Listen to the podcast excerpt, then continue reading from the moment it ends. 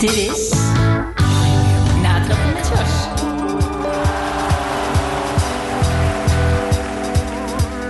een hele goede middag en welkom in het nieuwe jaar. De allerbeste wensen natuurlijk voor 2021. Dit is weer Natrappen met Jos en we gaan gewoon lekker verder waar we vorig jaar gebleven zijn. En dat is eh, leuk oh, en lekker over sport praten met fantastische gasten in de studio. En vandaag is zeker geen uitzondering.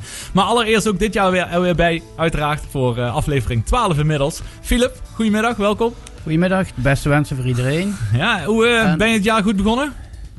Begonnen? Ja, we zijn al begonnen een paar dagen. Oh, sorry. ja, tuurlijk ben ik het jaar goed begonnen. Heb je al veel Ik heb, gesport? ik heb al gefietst, ik heb twee Kijk. keer gegolfd, eh, dus... Goed zo, goed bezig blijven, hè? dat is waar. En dan onze gast van vandaag. Nou, dat is echt geen, eh, geen kleine gast. Want iemand die een fantastische carrière heeft, eh, voornamelijk als eh, assistent-trainer. En dat is Dick Voren, maar iedereen kent hem eigenlijk als Cookie Voren. Cookie, welkom, goedemiddag. Ja, goedemiddag. Nou, superleuk dat je er bent. Ehm, vertel eens, hoe ben jij eh, de feestdagen doorgekomen? Nou, ik ben met de feestdagen doorgekomen. Allereerst moet ik ook alle luisteraars ook eh, prettig eh, en een goed nieuwjaar wensen. Uiteraard met een goede gezondheid. En zeker in deze tijd. Nou, ik heb de feestdagen. eh, eerste kerstdag ben ik bij mijn dochter gaan eten. Tweede kerstdag zijn we gewoon thuis gebleven. Heb ik nog een, eh, ja, een wederman uitgenodigd. Die was ook maar eenzaam. Dus die heb ik uitgenodigd voor te eten. Oud opnieuw heb ik met mijn eh, kinderen gevierd tot 11 uur. Toen gingen ze naar huis, want eentje was een klein beetje ziek, dus we wouden geen risico nemen.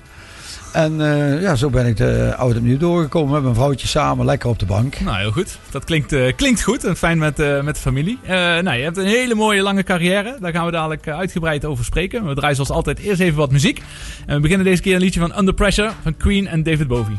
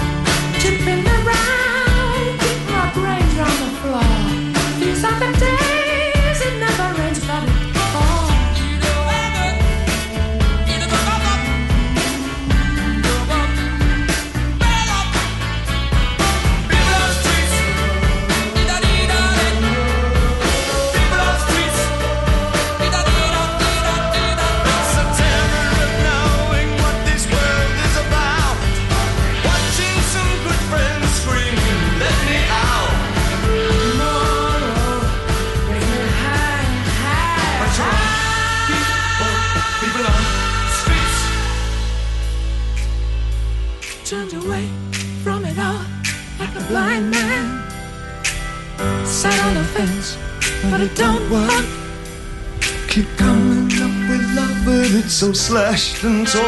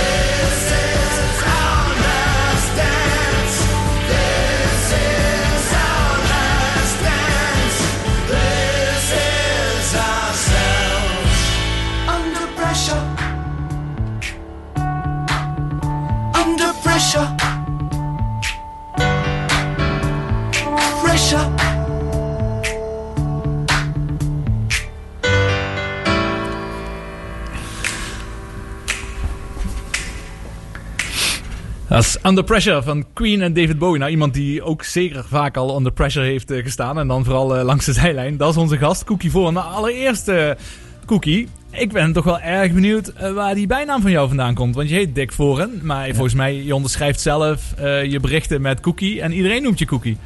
Ja, dat is, ja, dat is zo gekomen. Ik ben in het Westen geboren, eh, 20 kilometer onder Amsterdam, uit Hoorn, de Kwakel, een dorpje. En eh, ja, we gingen altijd met mijn eerste vader gingen we altijd naar Maastricht op vakantie. Naar de Boterkop op de Onze Lieve Vrouwenplein. Dat is al heel lang geleden, uiteraard. En eh, ja, toen stierf mijn vader toen ik zes jaar was. En eh, toen ik eh, zeven, acht jaar was, zei mijn moeder: We gaan toch nog eens een keertje naar Maastricht. Een beetje nostalgie. Ja, een keertje met de kinderen naar, naar Maastricht toe. En toen leerden ze mijn tweede vader kennen. En dat was een echte Maastrichtenaar. Ja, we, alles erop en eraan. En eh, we, we gingen op een gegeven moment verhuizen naar Maastricht toe. En toen eh, ja, kwam ik overal. En op school, op de lagere school, zei daar komt die Hollandse koekenbakkers, komen ze weer. En eh, ja, de koekenbakkers, mijn oudste broer hebben ze afgekort een koek. En ik was de jongste, mijn naam is een cookie. Maar ik heb het altijd zo C, dubbel O, C, K, of Griekse E Ja. geschreven. Maar dit is eigenlijk, dit is een afkorting van koek. En ik was cookie. En ja, op mijn trouwkaart, eh, ik heb 125 goudkaarten moeten versturen. Maar er waren 150 waar cookie op stonden. En ja, alleen in het westen kennen ze hem nog als dik. Maar hier in het zuiden allemaal cookie. Ja, mooi. Is dat ook, is dat ook opgehelderd? Ja, maar, eh, wil ik nog even een, een leuk verhaaltje. Met, eh, nou, toen we naar Dortmund gingen. En toen zei Bert tegen mij, Bert, zei, nou gaan we eens wat serieus doen. We, moeten, we gaan nou jou dik noemen in het vervolg, hè, ook daar. Hè. Nou, we hadden de eerste beste vergadering daar bij Dortmund. En toen we weggingen, zei die voorzitter, Cookie, auf Wiedersehen. Dus toen wisten we het ook al. mooi. Was leuk, heel- leuk verhaaltje. Mooi, ja. Ja, dat was helemaal niet nodig om dat te veranderen. Nee, dus. nee. Hey, maar even over je achtergrond. Eh, je voetbalachtergrond. En hoe is het eh, tot zover gekomen dat je assistenttrainer uiteindelijk bent geworden? Nou, ik ben begonnen ja, bij Maasvogels. Hè. Dat, eh, een collega van jou, die, die, weet, eh, die weet er alles van. En eh, ja, wij waren echt straatjongetjes. Ik woonde in, in de Maastrichter Grachtstraat. Was toen misschien niet zo'n goede buurt. Maar in ieder geval, eh, waren echt straatjongetjes, echt voetballen. En eh, we waren dag en nacht aan voetballen. Bij Maasvogels ben ik eigenlijk begonnen. En toen leerde ik op de lagere school een paar jongetjes kennen die wat in RKVVL speelden. En die zeiden, Cookie, kom bij ons toch voetballen, is leuker. Toen ben ik naar VVL gegaan. Nou, en op een gegeven moment toen ik wat ouder werd, 15, 16 geloof ik. Toen trof ik eh, Johan Dijkstra aan, dat werd een vriend van mij. Hij zegt, ja, kom naar Sint-Pieter voetballen. Ja, dus ik naar, naar Sint-Pieter toe. En eh, ja, na twee jaar eh, gingen we allebei naar MVV toe. En, dat was, en dat, ik, ik, ik heb het hier ook opgeschreven. Toeval in het leven. Ik weet niet of het veel bestaat, maar het was wel een beetje... Ik weet nog of, of jullie Maastrichtse Boys vroeger nog konden. Ja, ja, ja. En dan speelden wij met Sint-Pieter en dan deden we het altijd hartstikke goed. En ik, ik weet nog goed dat ze, Johan hadden ze eigenlijk al een beetje gecontacteerd bij MVV. En eh, we speelden die finale tegen Bossenveld. Vergeet het nooit van me. Even maandagavond. Waren geloof ik 1500 man. Want dat kwam drie keer per week. kwamen daar 1500 man kijken bij het toernooi. En in de finale tegen Bossenveld ja, scoorde ik toevallig drie keer. Eén keer in mijn leven heb ik dat gedaan. en eh, toen ben ik daarna ook meteen met Johan samen naar MVV gegaan. Mooi. En maar dat was als speler zelf. Dat was een speler wel. eh, ja. Nou, ik heb drie of vier jaar bij MVV gespeeld. Ik moet zeggen, ik was geen, niet geen topper. Ik was meestal wissel. En eh, ja, af en toe mocht ik eens een keertje meedoen. Maar ik had toch, niet de kwaliteiten. Wat ik zelf ook eh, wel inzag op een gegeven moment. Dat ik Eredivisie haalde. Want ik had op een gegeven moment het hele jaar op de bank gezeten. Ik had alle banken in Nederland gezien. Dus ik vond het wel eh, op een gegeven moment de belletjes. Ik denk, je gaat gewoon eens een stapje lager. En toen eh, met Sef Geurten samen moesten we een testwedstrijd spelen voor SK Tongen. Toen in die goede tijd nog was Tongen eh, een of een goede club. Tweede nationale. Dus hetzelfde niveau als hier, Eerste Divisie Nederland. En daar heb ik tot mijn 27 jaar nog eh, een paar jaar in de eerste elftal gespeeld. Hartstikke leuk. Alleen toen kreeg ik bij 27 jaar een blessure aan mijn rug. En toen moest ik noodgedwongen stoppen. En toen ben ik gelijk eh, de trainerswereld ingegaan. Ja, want voetbal zat zo diep in je. Je had echt zoiets, dit, dit ga ik nooit loslaten. Ja, dat was gewoon mijn leven, Ja. voetballen. Ja. En ja. nog altijd. Dus dat is mijn hele leven zo gebleven. Oké, en dan als trainer. Om- Dus hoe ben je begonnen als trainer? Waar en hoe zijn die nou, ik stappen had gegaan? mijn, in mijn tongentijd had ik al een paar diploma's gehaald. Toen ben ik eh, in eh, België begonnen als, eerst als speler-trainer bij Mazeik. Eén jaar. En Toen werd ik tweede. En dat was niet goed genoeg voor die voorzitter. Toen moest ik weg. Toen ben ik naar Bilze gegaan. Met, met uh, Fik Gerardi speelde daar. En Johnny Vrijens speelde daar. Ook Maastrichtenaar. Met eh, Jo- eh, Willy Gijzelaars. En eh, daar ben ik trainer geworden. Twee jaar. Eerste jaar kampioen. Tweede jaar derde. En daarna ben ik weggegaan. Had ik eigenlijk niet moeten doen. Want daarna zijn ze weer kampioen geworden met eh Pummy Bergels. Maar toen ben ik naar Nederland gegaan. En toen ben ik nog één jaar bij Zwift Roermond geweest. En toen ja, ook weer, ja, of het nou weer toeval is geweest. Ik kwam Willy Kwadak eens een keertje tegen. Die, die was toen assistent trainer bij Fortuna Sittard. En hij zei, Koek, eh, ze zoeken nog eentje voor de A-jeugd bij ons. Heb je daar geen interesse in? En ik zei, ja, zo vind ik wel leuk. Dus en zodoende ben ik bij Fortuna terechtgekomen. Kijk. Eén jaar. Toen had Willy Kwadak op een gegeven moment een beetje problemen met de hoofdtrainer. En dat was Frans Curver. En die ging toen weg. En toen ben ik assistent geworden. Ja. En dan ben ik Dat is een- 26 jaar ja, daar precies. geweest. Het is 1979 geweest dat je Ja. begonnen bent bij eh, Fortuna Sittard. Eh, daar gaan we het zo dadelijk over hebben. Want daar is natuurlijk veel gebeurd. 25 jaar lang heb je daar gewoon... eh, 26 jaar. 26 jaar Ja. ben je assistent trainer geweest. Ongelooflijk. Picture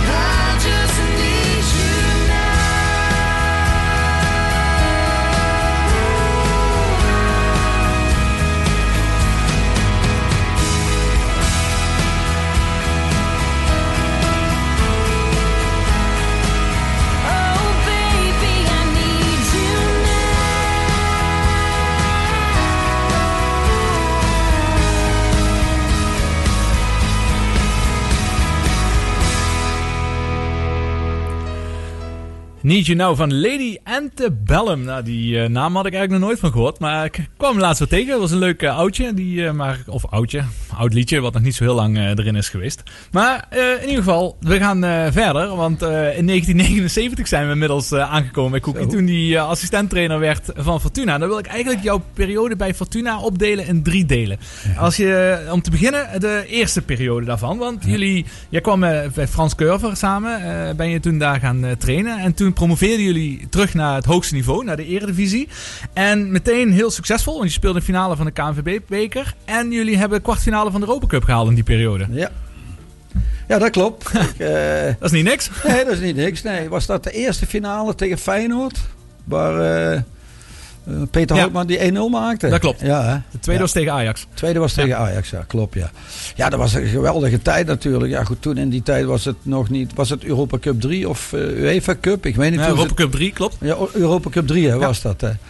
Ja, dat was, ja, Frans was dus zo fanatiek. En eh, ja, ik moest altijd de analyse doen. En eh, ik moet heel eerlijk zeggen, Frans... eh, tactisch was hij misschien niet zo sterk, maar dat maakt niet uit. Ik ga meestal van de positieve dingen uit. Hij kon die jongens zo motiveren en zo conditioneel waren we, zo berensterk. Als je dat nou vertelt, ja, ik vertel het wel eens. Ik, ik ben niet el- el- elke keer van vroeger, maar hij trainde bij wijze van spreken gewoon vier keer per dag. Dat moet je Oh. nou, dat moet je nou gaan proberen. Dan, eh, en, en misschien is het medisch gezien niet verantwoord. Maar we begonnen dus bij wijze van spreken op trainingskamp eh, half zeven 's morgens met een duurloop eh, in het Danekebos. Dan gingen we om half tien nog een keertje op het veld trainen. eh, conditioneel. Smiddags tactische training. En dan s'avonds nog eens een wedstrijdje tegen een vierde of vijfde klasse. Dat was wel niet zoveel, maar toch vier keer per dag. Ja, en, en hij heeft dat zoveel bereikt met, die, met, met, met dat Fortuna toen. En ja, dat Europa Cup gebeuren, dat was geweldig. Dat was, ja, was eerst Denemarken, Kopenhagen. Tweede wedstrijd was weer Sla Krakow. En de derde was Everton. Zo. En, en die wonnen toen ook dat jaar eh, de, die beker eh, Zo, in de ja. finale. Ja. Dus eh, dat was een geweldige ervaring. En dat was met Bert Jacobs. Was dat, Dat eh, was allemaal met Bert Jacobs tegen die tijd. Dan heb je natuurlijk ook een paar jaar eh, Ja. goed mee samengewerkt. Dat was, eh, dat was een hele fijne kerel trouwens. Is Ja. inmiddels ook op, ja, ik heb er al een paar die, eh, wat ik mee. Ik heb in, in, in die 26 jaar heb ik geloof ik 17 trainers meegemaakt. En dan zijn er toch al een stuk of Ja. vier, vijf eh, die leven dan niet meer. Ja, Pim Verbeek nog uh, recentelijk. Je recent natuurlijk ook nog, bij ja, eh, was- Fortuna. Ja, Ja, inderdaad. Maar oké, dus dat was echt een hele bijzondere periode. Een hele bijzondere periode. Daarna- Met Limburgse jongens zo vaak. Hè. Dat moet ik ook even erbij zeggen. Hè. Was bijna echt een Limburgs elftal. Ja, Chris Dekker dan. Mhm. Enkele keertje. Henk Duut was er ook nog een keertje bij. Maar meestal was het eh, 80, eh, 85 procent was het eh, echt Limburgse jongens. Daarna is een periode gekomen waarin Fortuna gewoon echt bekend staat om het opleiden. Van Ja. echt werkelijk topspelers. Want als ik er een paar even opnoem. Natuurlijk had je Erik Meijer kwam erbij. Maar Mark van Bommel, Fernando Riksen. eh, je had natuurlijk Kevin Hofland. Kevin Hofland. eh, Wilfred Bauma nog. Bauma, ja. Dat is ongelooflijk hoe succesvol ook die periode is geweest betreffende het opleiden. Ja, ik moet zeggen, toen had ik denk in die tijd had Fortuna een, misschien wel een van de beste opleidingen van Nederland. Want ik meen toen Chris Dekker gestopt was en Tini Ruis gestopt was, dat waren echt al eh, goede profvoetballers, zeg maar. En die gingen zich toen met de jeugd bemoeien. En dat is het groot, toch, een, toch een groot voordeel als je toch eh, hè, eh, zelf op hoog niveau gevoetbald hebt. En als- als je dat met je enthousiasme op, op kinderen kan overbrengen. Ja, dat heeft toch wel een, pre, denk ik. Heb je- maar is de structuur van die opleiding heel goed geweest? Of is het echt gewoon het enthousiasme en eh, de cultuur die daar was? eh, ja. Van Barneveld, Fred van Barneveld. Wat was was toen- zo bijzonder dan eh, daar? Ja, wat bijzonder. Kijk, je moet ook een beetje. Je hebt bepaalde lichtingen. Hè. Eh, Niet dat je ze allemaal zelf maakt. Het, het zit ook vaak van, van kleins af zit het al een beetje erin. Alleen je moet ze proberen te, te, te helpen en te begeleiden om, om verder te komen. Maar ik moet zeggen dat Fortuna, ja, en iedereen kwam ook graag naar Fortuna, omdat ze wisten dat ze en op het hoog niveau competitie speelden, waar ze dus ook tegen sterke tegenstanders speelden. En op dit ogenblik, als ik dat op dit ogenblik zie, is dat al lang niet meer zo in het zuiden. Maar waarom kan dat nu niet meer? Waarom... Ja, dat begrijp ik niet. Eh, weet je wat het is? Eh, Wat ik nou zo hoor. Ja, ze spelen ook allemaal maar tegen amateurclubs. Hè. De- Ook, ook MVV, Fortuna, Roda. En, en allemaal. En ik denk, eh, ja, het mag allemaal niks meer kosten. En daar begint het al mee. Het is allemaal besparen. Wat ik nou eh, zelfs al hoor, dat, dat de kinderen zelf een eigen busreis moeten betalen. Nou is dat allemaal niet zo erg. Ze hoeven het allemaal niet voor niks te krijgen allemaal. Maar het houdt wel een beetje in dat je Dat je bij wijze van spreken een, een, een manneke die, die, eh, die, die misschien financieel thuis niet zo eh, goed ervoor zitten. Die, die kunnen bij wijze van spreken niet meer naar een betaalde club. Omdat ze dat eigenlijk niet kunnen betalen. Is, is, is toch te gek voor woorden. Ja, inderdaad. En, en, en dan die, die, de mensen die het dan wel een beetje breed hebben. En die een klein beetje talent hebben. Die komen misschien wel in aanmerking voor. En de echte talenten misschien. Die kunnen ze gewoon niet halen. om- omdat ze dat niet eh, kunnen betalen. Ja, triest. Ja, triest ja. Ik vind het ook triest ja. Ja, dus een, eh, even over die goede periode. 99 haalden Ja. jullie voor de tweede keer een bekerfinale. Ja. Hè, de 2-0 tegen Ajax Ja. eh, toen, eh, toen verloren. Ja, Ehm, helaas ja. ja, dat is zeker. Ja, dat is De halve finale was het mooiste eigenlijk. In, bij PSV uit, toen we wonnen. En toen kreeg die kloten van Bommel kreeg een gele kaart dat die, die finale niet kon spelen die toen. miste die finale, dat wist ik niet eens meer. mis- ja, dat is, ja, ik weet dat nog allemaal. Ja, ja. Ik ben wel wat ouder aan het worden, maar die dingen vergeet ik niet meer. Ja, ja dat, is, dat, is, dat is een mooi succes inderdaad met de club als Fortuna. Dat je toch twee keer eh, Eh, de, typisch de in die finale verloren met 2-0 van Ajax. Door die linkerspits, hoe heet die ook alweer, die Deen. Ik weet het al niet meer, maar we hadden Urban Lee, die dat was de directe tegenstander van hem. Die hadden we duizend keer gewaarschuwd Ja. wat hij ging doen. En twee keer, eh, ja, wordt toch twee keer. Is dat met 2-0 Loudroep? eh Nee, niet Oké, Loudroep. maar goed. Nee, nee, nee. Eh, daarna Ja. krijg je natuurlijk dat deze jongens zich zodanig in de kijker hebben gespeeld. ja, dat ze worden weggekocht naar de grotere clubs en doorontwikkelen. Ja. Is, en daarna is het eigenlijk bij Fortuna toch wat bergaf gegaan vanaf eh, 2000. eh, met op een gegeven moment zelfs een degradatie naar 2002. Heeft dat daar direct mee te maken? Met het succes? Ze zeggen nu allemaal achteraf dat het, eh, toen we van de baan dat zeg maar, naar het stadion gingen. Ja. Toen het vanaf dat moment eigenlijk een beetje minder is geworden. En toen hebben ze het ook wel, ja, ik vind toch ook wel achteraf, maar nogmaals niemand om de schuld te geven. Maar we hebben toch, wel- ze hebben toch wel verkeerde beslissingen genomen.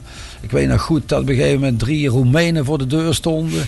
We- we- ik kon ze helemaal niet. En eh, het, het, het zou allemaal niks kosten. Maar op een gegeven moment toen ze binnenkwamen, toen, toen kwamen de rekeningen wat ze allemaal moesten eh, kosten. Punt. En het feit dat ze ook nog eh, buiten de EU waren, dat ze ook nog die contracten toen hadden. En, en van die drie hebben er geloof ik één. Ja, Zeker Jan, die heeft nog wel eens eh, wat gespeeld. En die andere twee hebben bijna niks gespeeld. Het, het heeft zoveel geld gekost. En toen is het eigenlijk toch een beetje bergafwaarts gegaan. Ja. Ja. Ja.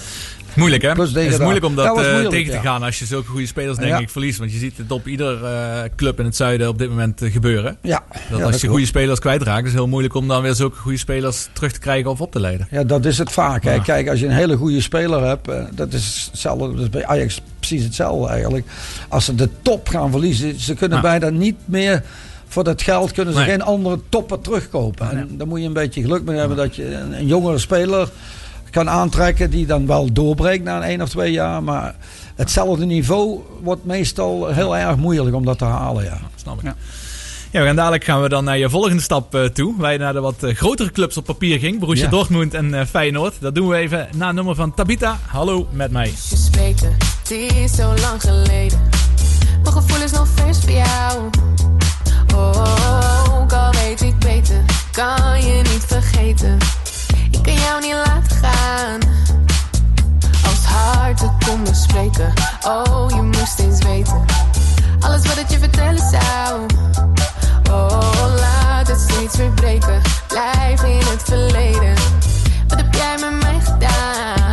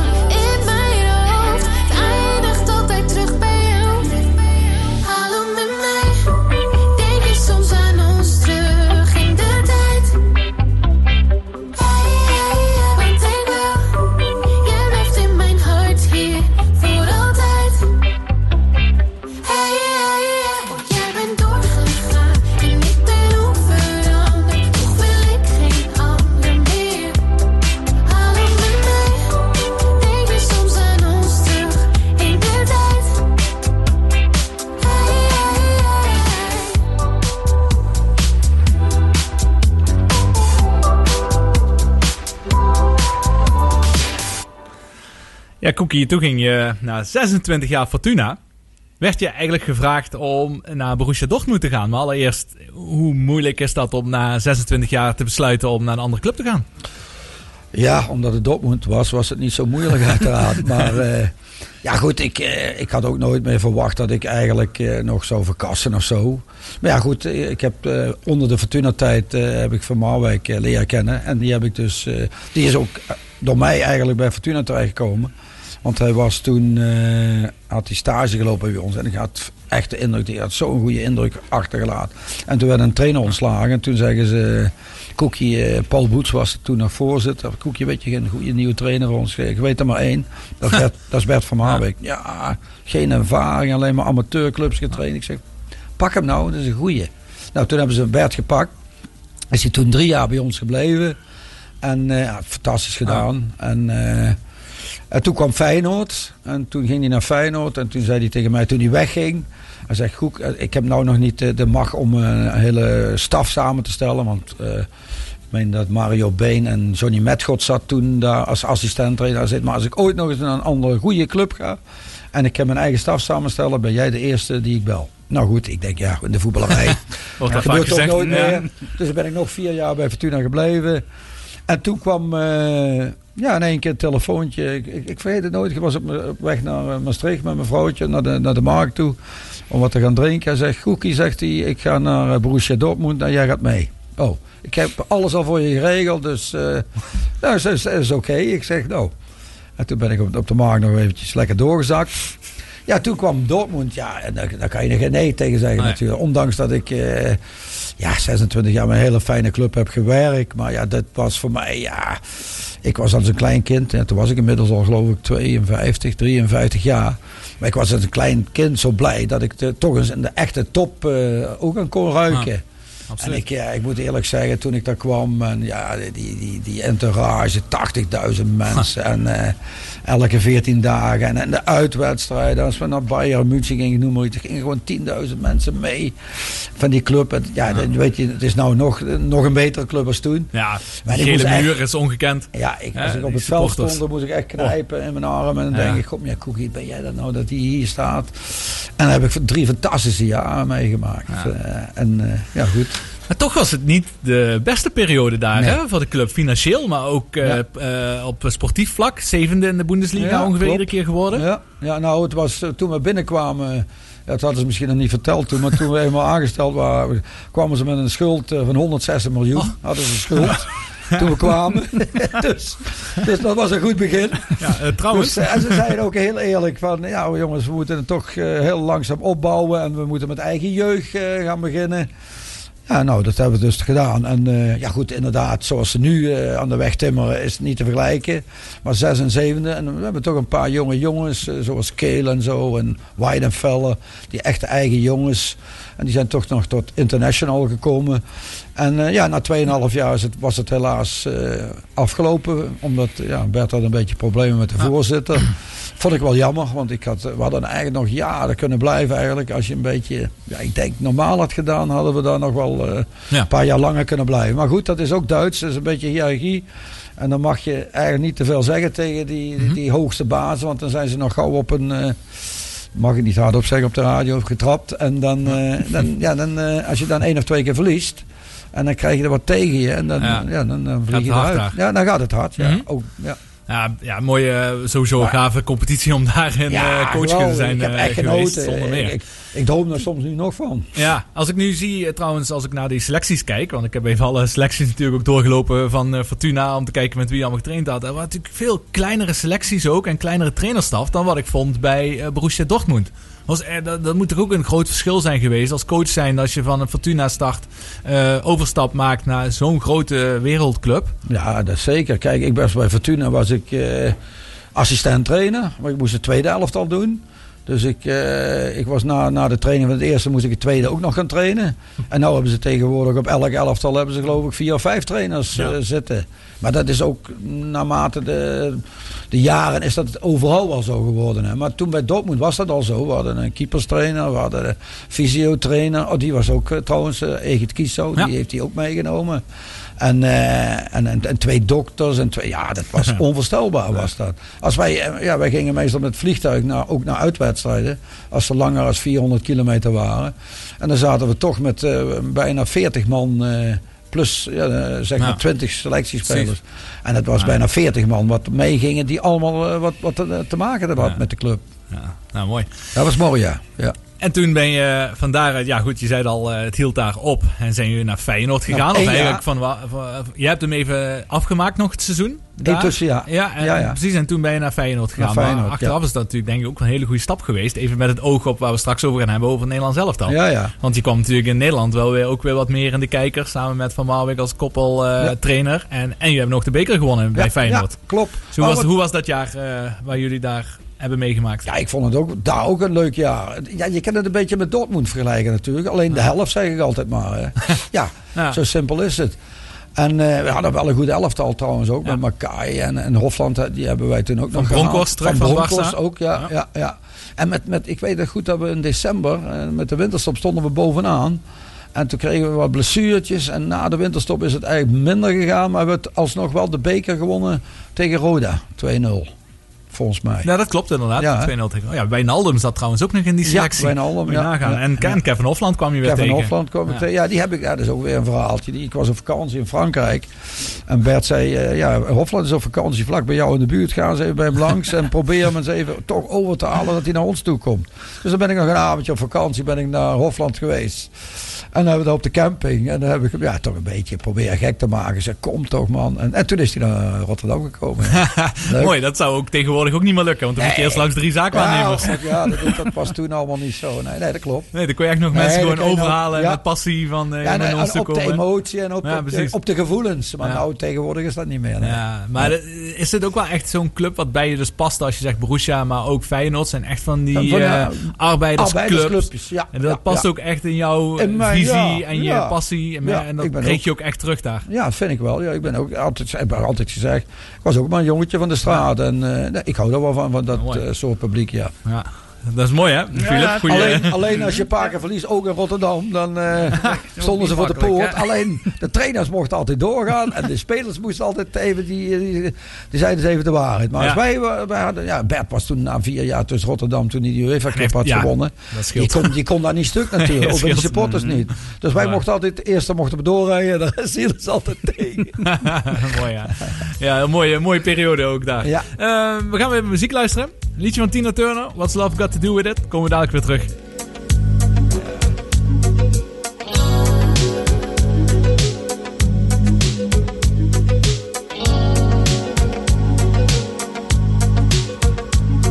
You must understand the touch of your hand makes my pulse react. That it's only the thrill of boy meeting girl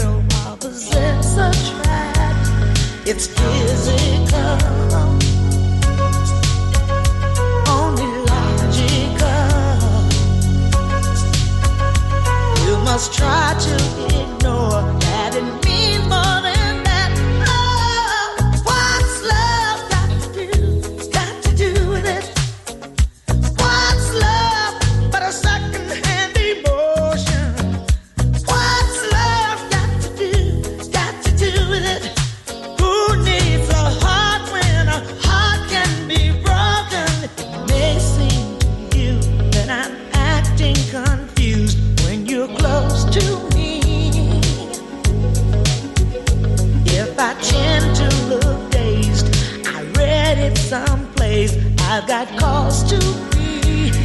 There's a name for it. There's a phrase that fits. But whatever the reason,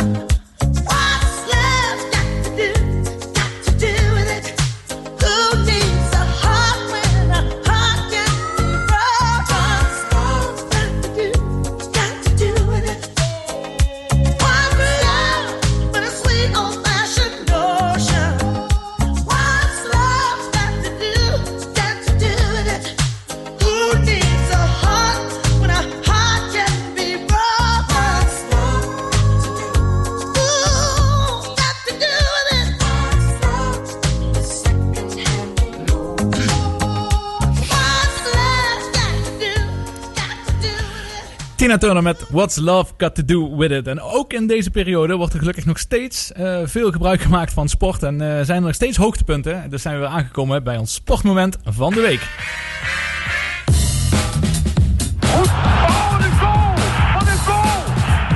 Timmertje, Timmertje, wat ga je doen? En hij staat! Hij staat! Het is ongekend! Daar gaat hij Ippon en neemt hem over. Goud is er voor Mark Huizinga. Het sportmoment van de week. Ja, en zoals dat hoort eh, beginnen we natuurlijk bij onze gast, gast eh, Cookie Voren. Cookie, ik heb een eh, fragmentje erbij. Dus we gaan eerst even luisteren waar jouw eh, sportmoment van de week over gaat. De ritje gaat dicht. Mathieu van der Poel wint zijn vierde wedstrijd in vijf dagen. Ja, Nou, laat zijn spierballen nog even zien. het was een machtsvertoon en hij is afgetekend de beste. En Cookie, we kunnen iedere week bijna over Mathieu van der Poel spreken. Ja. Wat een geweldige naam, maar vertel. Nou ja, ja je gaf me dat, eh, die, eh, eh, die op, of opdracht. Wat is je, Zeker een opdracht. mooiste moment. ik heb het altijd misschien over voetballen wel. Ik vind het ook leuk dat MWW trouwens gisteren gewonnen heeft. Maar dat vond ik geen hoogtepunt. ik vond inderdaad, ik had eerst Adrie van de Poel. Maar het is Mathieu van de Poel. Ja, ik vind dat zo top. En ik vond het echt een moment weer van de week. Als je van de vier keer zo... En, en we klagen al eens wat van inspanningen. Maar wat die gozer elke dag bij wijze van spreken moet doen. Ja, ik vond dat toch het sportmoment van de week. Toen hij nog eens een keer de vierde keer achter elkaar won eh, van die Van Aert. Dat is toch ook geen eh, verkeerde. Hey, mooi dat hij vandaag tegen, nu ook weer vol in het veldrijden zit. En Ja. dat die, die tweestrijd wat we al eigenlijk het hele se- seizoen van eh, ja. natrappen met shorts over de, op de weg volgen. Dat dat zich gewoon verder uitbreidt op het, in het veld. Ik vond dat mijn moment. eh, ja, snap ja. ik. Ja. Dat is ook echt een heel gaaf, heel gaaf moment. Eh Philip, jij hebt eh, gisteravond eh, weer zitten kijken eh, afgaande op jouw eh, sportmoment. En dan pak ik even die ontknoping. Gary Price is the champion of the world! Nou, bij gebrek aan eh, publiek schreeuwden de commentatoren maar wat eh, harder. Ja. Maar deze komt uit de darten. Ja, ik heb met veel genoegen gekeken daar gisteravond eh, naar die, die, die wedstrijd. Als je ziet, Anderson die begon zeer voor, voortvarend, maar hij werd toen daarna eh, door een stoomwals eh, overreden door, door eh, die Price. Tot het erop aankwam om, om te winnen. Ja. En toen werd het spannend. Hij heeft uiteindelijk de stok gewonnen na 12 wedstrijdpijlen. Ja. Dus, met, en een beetje geluk had Anderson het nog spannender kunnen maken. Hij is altijd Dus die wat was- als, hè? Al- Wat wat als, als hij dan maar- nog een, een set maar- zou kunnen terugpakken. Maar dat maakt het natuurlijk interessant om te blijven kijken. Ja. Het kan, het kan allemaal. Dus eh, ik vond het eh, zeer onroerend. ja, hoe vond je trouwens het gemis aan het publiek? Want eh, natuurlijk het WK Dart staat wel bekend om het uitbundige publiek. Ja, ik vind het meestal ietsjes te uitbundig. Ja, dat is wel een podcast geworden, ja. Ja, daarom het, eh, het, wo- het wordt gewoon gemaakt eh, om, om op te vallen. Dus eh, zo heel erg vind ik het ook weer niet. Nee, dus je, het was, de sfeer was wel nog genoeg sfeer voor je om het te volgen. Ja, Ja, werd ja. goed in beeld gebracht ook weer, hè. Klopt. Had bijna geen, die zaal was heel mooi aangekleed. je miste het publiek eigenlijk nauwelijks. Nee, Ja. niet. Was genoeg geluid ook. ja, ja, en dus de commentatoren die eh, hebben er ook aan bijgedragen. Alhoewel je natuurlijk met Nederlands commentaar hebt geluisterd. Dat was, eh, Ja. was wat, eh, wat rustiger. Nou, mijn sportmoment van de week. Ja, ik heb er ook een fragmentje bij proberen te zoeken. Maar hier is wel een gemis aan het publiek zeer aanwezig. Want je hoort wel hoe een goal valt. maar je hoort geen publiek. En je hoort hoe die erin gaat. Dan zal ik zo vertellen waar het over ging.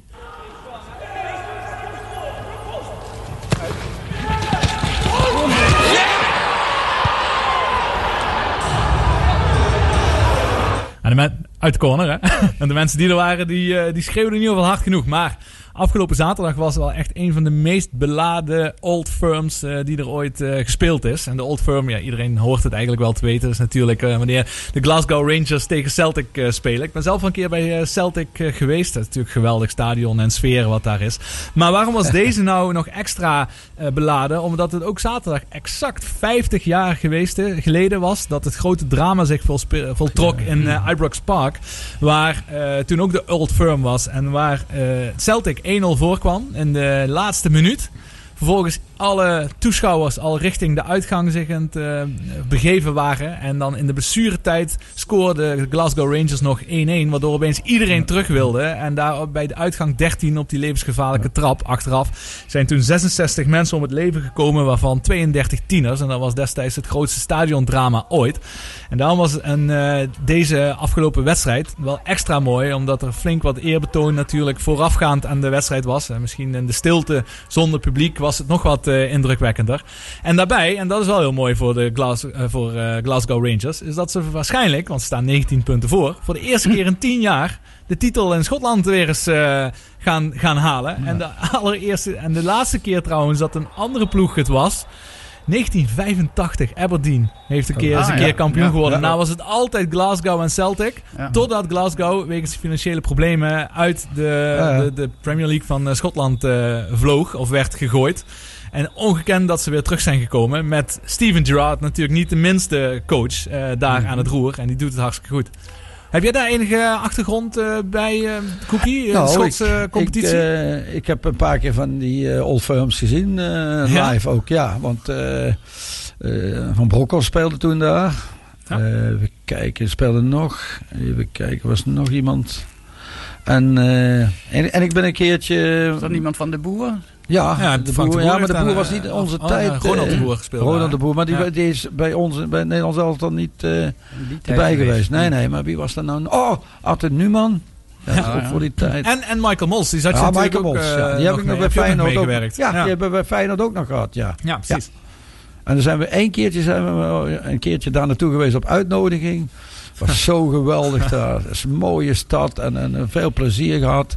Onvoorstelbaar. Onvoorstelbaar. Maar ook ja, op het Nederlands zelf dan nog even terug te komen dan. Of terug te we zijn er niet. Dan moeten we maar aan dan beginnen. moeten we nog aan beginnen. Kom maar. Toen we de laatste wedstrijd daar wonnen met 1-0. En, eh, en zij werden uitgeschaald in Schotland. En ik ken dat publiek langs de weg nog. Alleen maar klappen, klappen, Oh. klappen. Zo sportief. Geweldig. Geweldig Ja. eh, mooi publiek is dat, ja. Ja, dat is, daar Ja. leeft het ook zo eh, Onvoorstelbaar. geweldig. eh. Ja, dat zijn de wedstrijden zoals eh, zeg maar Real Madrid, Barcelona, Inter tegen AC Milan. En noem ze allemaal maar op. En dat is in, in Schotland ja, de wedstrijd onvoorstelbaar. En Zouden ze er ooit nog van afkomen dat Celtic en eh, de Rangers eh, dominant zijn? Ja, moeilijk, moeilijk te zeggen. Aberdeen, ja, spelen die, ja. Ze komen er bijna niet aan de pas aan, die twee. Ja. Die hebben ook, ook elke keer volle, volle bak daar. Dat, dat ja, nou niet op het ogenblik, maar eh, het, eh, ja, die, die clubs zijn zo financieel zo ver van die andere verwijderd. Dat ik, ik ben erg bang dat er ooit nog Ja. iemand tussen gaat komen. Dat denk ik ook. Maar is dat, is dat een gemis voor die Schotse competitie? Ja, in principe wel natuurlijk. Ja. Want het gaat maar alleen om twee niet, wedstrijden. ja. Daar gaat het eigenlijk om. Hè. Of ze ontwikkelen zich ook niet geloof niveau. We hebben een dubbele Ze hebben competitie. dubbele hè? competitie. Ja. spelen vier keer tegen Ja. elkaar. Mhm. Ja. Ja, ja. Ja, dus dat eh, waren weer de sportmomenten van deze week. Eh zo dadelijk komen we nog even bij jullie terug voor het nieuws en de reclame. Maar eerst luisteren we even naar Still Got the Blues van Gary Moore.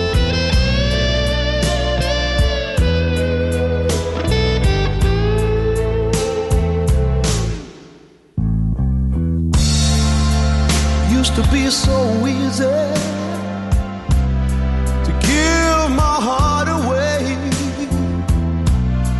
But I found out the hard way there's a price you have to pay. I found out that love was no friend of mine. I should have known time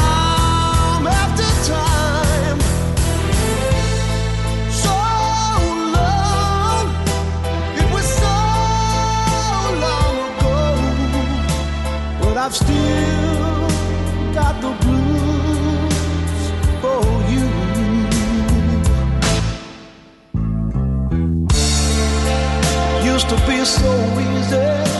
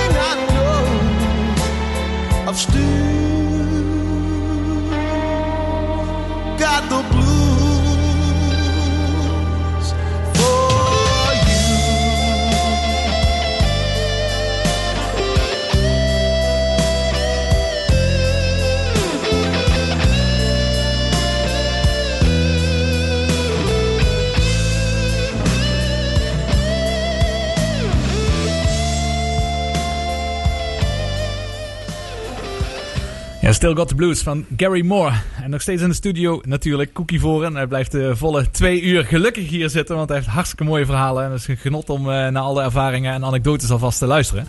Maar natuurlijk ook een duidelijke visie. En dan ben ik eigenlijk wel een beetje benieuwd, eh, Cookie. Eh, wat is jouw mening en visie op het, Limburgse, over het Limburgse voetbal op dit moment?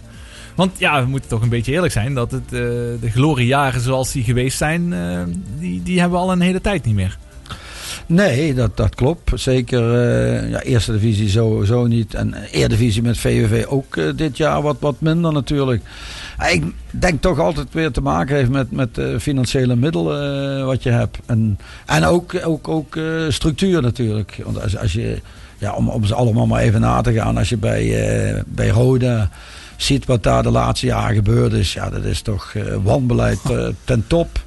Eh, ik heb toevallig het artikeltje van Schroef gelezen, eh, weet niet meer waar. Die heeft gewoon 20 miljoen, is die man kwijt. Eh, ja, waar is het gebleven? Ik zeg altijd maar, je, je kan nog beter eh, 100 euro in de maas gooien en dan zie je het nog even drijven. Maar als je de voetballerij steekt, ben je het meteen kwijt. Ja. Dus ja, dat, dat is zo. Ja, ik vind dat gewoon slecht. En ja, ze proberen nu elke keer wel weer opnieuw dan weer wat, wat te vinden erop. Maar ja, het, is, het, het niveau is niet om naar huis te schuiven. En, Maar- eh, sorry? Jij loopt al een tijdje mee weer in de, in de amateurwereld op, op hoog niveau. Eh, Is, is daar niks te halen? Daar ben ik bijna van overtuigd dat er iets te halen Ja, is. Maar dat is nou ook weer typisch, eh, ja, typisch hier in het zuiden. Of misschien wel overal zo. Wat, wat van ver af is, is, is Ja, meestal goed. beter. Ja. Ik ben ervan overtuigd, en dat heb ik al zo vaak gezegd. In de amateurs lopen best een paar goede voetballers rond. Als die in de gelegenheid gesteld worden om ook vijf of zes keer per week te trainen. En met die begeleiding wat ze hebben, denk ik dat er best, best eh, een aantal zijn die, die zeker minimaal eerste divisie zou kunnen halen. Want je maakt het er niet wijs dat ik een, eh, een back uit, uit Argentinië of uit Mexico moet gaan halen. Die, die moet er ook hier in de buurt rondlopen. lopen. En ik ben ervan overtuigd. Ja, dat, Alleen, ik weet het niet. Of ze willen niet kijken, of ze hebben geen scouting meer. Ik snap er helemaal niks van. Ja, want wat het inderdaad eh, daarop inhakende is natuurlijk MVV die versterkt zich de- in de winterstop omdat er drie huurspelers weggingen. Hebben ze met twee nieuwe huurspelers. En dat is inderdaad eentje van Dordrecht, die staan laatste. En eentje van Den Bosch, en die staat in de basis. Nou ja, dat is hartstikke prima. En misschien zijn het hartstikke goede jongens. Maar dat is eigenlijk precies hetgene wat jij bedoelt. Hoe kom je, ter- hoe kom je terecht bij eh, clubs die onder in de keukenkampioen-divisie spelen? En waarom kun je niet op amateurvelden echt toptalenten eruit halen? Ja, nou, daar ben ik van overtuigd. Kijk, als ik iemand inderdaad, wat jij zegt, Dordrecht, staat stijf onderaan. Die daar niet in het eerste elftal bijna speelt. Die, die altijd basisspeler is. Hoe kun je dan in godsnaam verwachten dat hij hier dan eh, je, je gaat verbeteren? Ja, daar daar hoef je toch niet voor gestudeerd te hebben, denk ik. hè. En, en toch gebeurt het elke keer weer opnieuw. En dat verbaast mij toch. Dat verbaast mij elke keer weer opnieuw. En ik, ik zit nou bij Bekkerveld en, en ik, ik speel ook tegen tegenstanders. Er lopen gewoon jonge jongens bij. Die, tussen de 18 en 19 jaar zijn. Die de beste kwaliteiten hebben om, om, om eerste divisieniveau te halen. Ik ben daar bijna 100% van overtuigd. Alleen, ja, ze komen niet kijken of, of ik weet niet wat het precies is. Maar Heeft- ja, ze, hoeven ze van mij niet weg te halen, want ik heb ze graag bij mij. dat begrijp ik ook wel weer, ja. Maar dat heeft dus echt met scouting te maken. Ja. En is het misschien ook een nadeel dat op dit moment eigenlijk het amateurvoetbal helemaal stil ligt? Of is het al ver van voor de Ja, coronaperiode? dus ook voor de coronatijd was het. Het is al jaren zo dat Ja. ze niet, niet, eigenlijk niet... Wie van de amateurs breekt nog op het ogenblik door? Mhm. Toch bijna de laatste vijf, zes jaar kan ik Ja. bijna niet meer, meer opnoemen. Dat is weinig inderdaad. hè? Ja. Ja, jammer. Maar ik vind het wel een heel duidelijke visie. En eh, Ja. dat is mooi, want we stellen die vraag heel vaak in ons programma. En eh, dit is wel een van de eerste keren dat ik echt een hele duidelijke eh, visie hoor. Behalve dat het om geld draait, want dat is, lijkt me logisch. Maar dat vanuit de amateurbasis echt veel betere spelers voor keukenkampioen-divisies kunnen komen. Ja. En de eerste uur zit er alweer op. Zo snel gaat dat. we gaan, Dat gaat eh, snel, ja. Ja, dat gaat snel. Maar dat is alleen maar goed. we hebben nog een heel uur te gaan. Nog heel veel interessante dingen te bespreken. Na de reclame en het nieuws.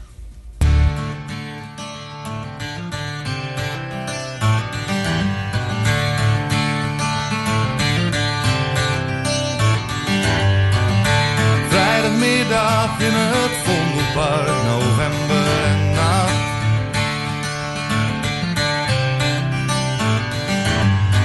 Vlak bij de vijver zit een man, Herman, en Herman is het zaak. Heeft een kutjaar gehad. Een man met alles wat je hebben kan. Vrouw, kind, huis, auto, baan. Zo'n baan, zo'n baan, zo'n baan. Maar Herman wilde het ooit anders. En denkt daar nu al maanden aan. Hij denkt aan wat hij wou. En denkt ik was te laat. Hij denkt, is dit het?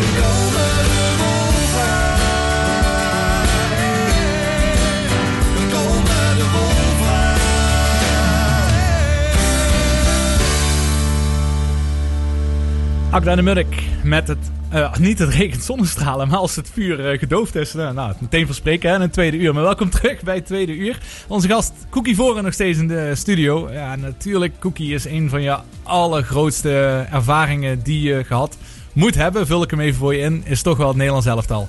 Ehm, laten we even bij het begin beginnen. Toen je in 2009 aangekomen bent bij het Nederlands elftal kwam je net na, eh, Mar- eh, naar Marco van Basten, die het EK had gespeeld. En had hij in de poolwedstrijd eh, tegen, wat was het allemaal, Frankrijk, Italië, echt de meest geweldige wedstrijden gewonnen. En toen verloren ze verrassend, van, eh, eigenlijk van Guus Hiddink, in de kwartfinale van eh, Rusland. En toen ging Marco van Basten weg. En toen kwam jij daar binnen. Ja.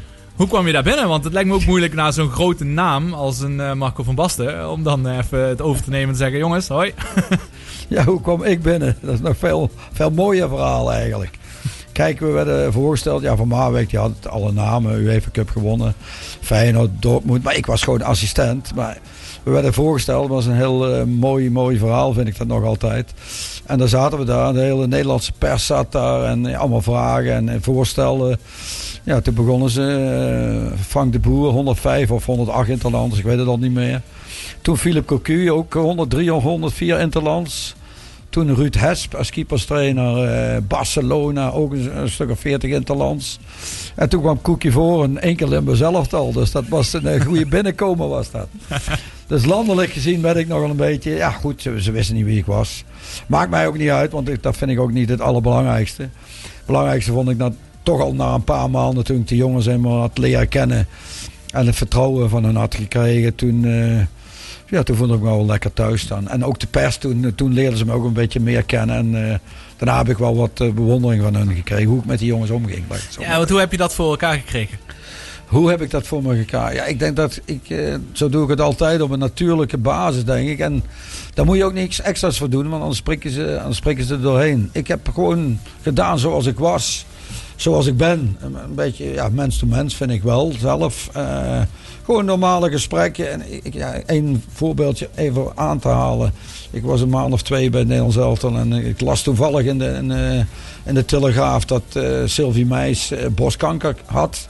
Dus ik bel Rafa van der Vaart op. Ik zeg, Rafael, eh, ik bel niet voor jou. Zeg ik, maar ik wil alleen eens weten hoe het met je vrouw gaat. Nou, zegt hij, eh, zegt, dat heb ik nog nooit meegemaakt. Dat iemand naar mijn vrouw vraagt. Ze vragen altijd alleen maar naar mij. En vanaf dat moment, dat is één voorbeeldje wat ik daarmee mee wil zeggen. eh, is, dat, is dat vertrouwen zo, zo eh, fijn geworden met iedereen. En, en ik denk dat die jongens dat ook onder elkaar wel tegen elkaar vertellen. En eh, zodoende ben ik gewoon op een normale wijze ben ik met die gasten omgegaan. En het is wel makkelijk natuurlijk als, als assistent trainer dat je iets meer persoonlijk met die gasten contact hebt als een, als een hoofdcoach. Die staat er toch iets meer Ja. verder van En ik, nou, die rol eh, die lag mij wel, ja. Was jij een soort vertrouwenspersoon van hun? Of eh, was je hun ook heel erg aan het helpen op tactisch vlak of et cetera? Nou, meer, meer vertrouwenspersoon. Dat is ook wat Bert altijd zei. Ik wil, en dat, toen, dat vroegen ze me ook, waarom neem je Cookie voor bijvoorbeeld mee naar Nederland? Omdat dat mijn vertrouwensman is. En die wil ik gewoon erbij hebben. En op tactisch gebied, ja, kijk, die jongens die zijn al, al, wijzen, al, wezen al zo goed. Kijk, en in de details had bijvoorbeeld Frank de Boer en Philip Q meer, misschien nog wel ervaring als ik op topniveau. Ik, ja, ik denk toch dat ik er meer ja, tussenin stond. En eh, op basis van menselijke, menselijke coaching eh, meer belangrijker was in dat opzicht. Denk ik. Denk ik. Ja, Eén ding wat me opviel, als ik even naar die selecties keek. eh de 2009-selectie toen je binnenkwam. De WK-selectie, maar ook de Euro 2012-selectie daarnaast haal. Er zijn maar Ja. acht nieuwe spelers gekomen in eh, al die jaren tijd. Er zijn natuurlijk een paar weggevallen. Zo'n Van der Sar die bijvoorbeeld stopte. En er zijn er meer die gestopt zijn. Eh, maar het is niet dat er heel veel nieuwe spelers bij zijn gekomen. Wat de laatste jaren wel anders is geweest. Was dat destijds een bewuste keuze? Of was dat gewoon zo'n vast team wat zo goed was? Nou, dat is ook een beetje wel de, de werkwijze van een coach. En dat, dat had Van Marwijk. Die had op een gegeven moment toch vertrouwen in die 23 spelers. Wat we eigenlijk altijd eh, mee mochten nemen. Er waren altijd wel drie of vier twijfelgevallen. En waar je wel eens naar de vier, vijf of 26e man ging kijken. Maar hij hield toch altijd vast aan vastigheden. En ja, die vastigheden hebben, hebben ons toch zo ver gebracht. Ook op de WK. Want in principe hadden we ja, toch geen top 11 dat je zegt we halen de finale van de WK. Maar we hadden wel zo een team die, die zo eh, gedisciplineerd kon voetballen en, en echt een goed geheel was. En eh, ja, daar hield hij ook aan vast. Ook al ging het soms wel eens iets minder. Maar hij hield toch aan zijn vastigheden vast. En daarom, ja, een voorbeeldje, Brazilië bijvoorbeeld in de kwartfinale. Ja, daar wil ik daar ook nog wel Oh, over hebben daar- hoor, als dat mag. even- wil ik wel wat meer daar aandacht kom ik geven. straks wel even op Ja. terug dan. Nee, inderdaad. Maar dat bedoel ik met vastigheden eh, houden. En ja, dat heeft Ja. toen wel succes eh, opgebracht. Terwijl bij de EK het minder ging. Maar daar komen we ook nog Ja, op terug. ja, wellicht, wellicht. Maar die aanloop naar de WK toe. Jullie hebben 15 eh, wedstrijden gespeeld. Natuurlijk vriendschappelijke wedstrijden en kwalificatiewedstrijden. Weet je hoeveel je verloren hebt eh, van die 15? Nou, ik dacht geen eentje. Ja, precies. Nul. Ja, daarom. Nul wedstrijden verloren. 10 Ja. gewonnen en eh 5 gelijke spelen Ja, waren de, dat. de kwalificatie waren acht wedstrijden geloof ik. Waren 24 punten waren dat. Inderdaad. Ook niet gelijk gespeeld, alleen de, volgens mij de laatste drie oefenwedstrijden van het Ja. jaar die waren gelijk gespeeld. Maar. De, die, die aanloop eh, was natuurlijk al Was geweldig. goed. Voelden jullie dat zelf ook? En ja, we voelden zeker wel vertrouwen in het elftal. Hadden we ook. En eh, ja, we zijn toch alles bij elkaar, toch wel bijna elf weken bij elkaar geweest. Hè. Wel één of twee dagen bij ons naar huis. We begonnen in Hoenderloop bijvoorbeeld. Een week en dan gingen we weer twee dagen naar huis en dan kwamen we weer terug en zodoende. En dan, ja, dat, die groep die pakte zich gewoon. En eh, ja, Bert hield ook vast eigenlijk aan zijn vast elftal. Eén of twee eh, wissels af en toe, maar niet te veel. En ja, ja goed, dat, was, dat is iemand zijn werkwijze. En uiteindelijk heeft het goed uitgepakt. Zeker. Toen, toen. Ja, daar gaan we het dadelijk over hebben. Dat doen we na eh, de anthem van eh, het WK. Misschien eh, kun je het niet meer horen. Heb je het al honderdduizend keer gehoord destijds. maar in ieder geval, dit is Wakka Wakka van Shakira. En dadelijk gaan we kijken hoe het vergaan is. Ja, dat weten we allemaal wel. Maar hoe het voor jou was tijdens het WK. Ik heb, ik heb naast haar gefietst namelijk. Aha, dat willen we dadelijk weten.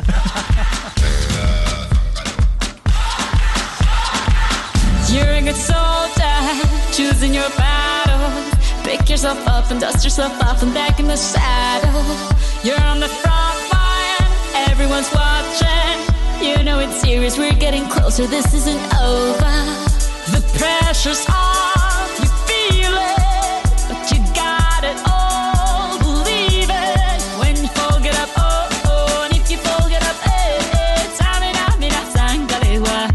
this is Africa. Eh, eh, waka, waka, eh,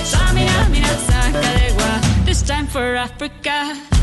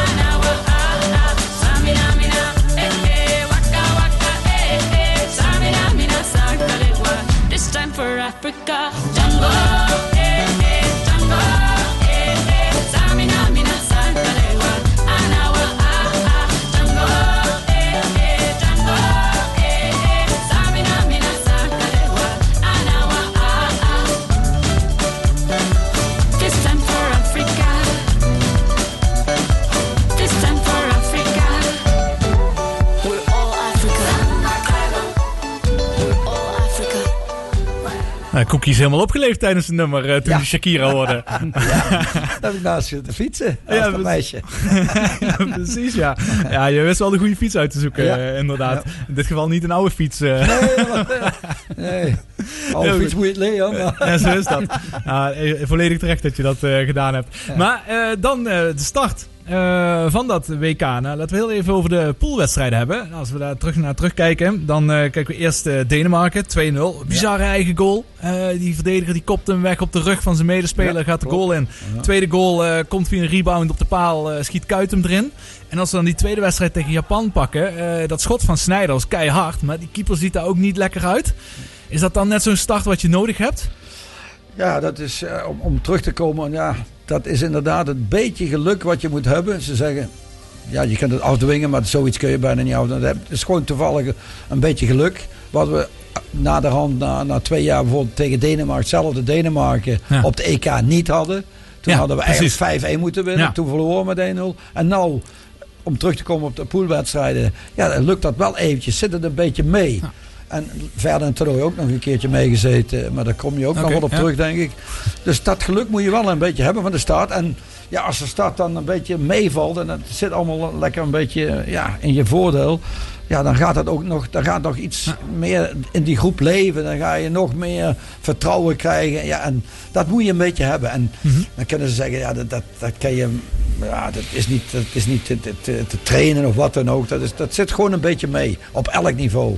Dus laat ze me nou niet wijsmaken dat je zegt, nou, dat heb ik zo afgedwongen.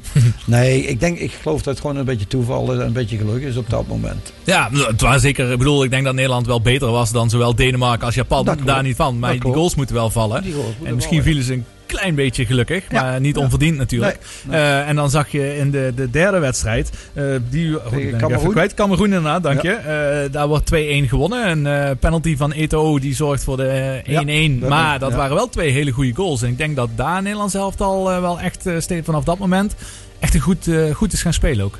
Ja, dat vonden, vonden wij zelfs ook. En ze hadden ook een doel, hè, die jongens. Die werden steeds meer gretiger. En elke na, na, na elke wedstrijd meteen alweer. En nou de volgende, jongens. En het Ja. was zo'n... eh ja, dat waren zo op... ge- ja, hoe moet ik dat zeggen? Wat voor woord moet ik daarvoor gebruiken?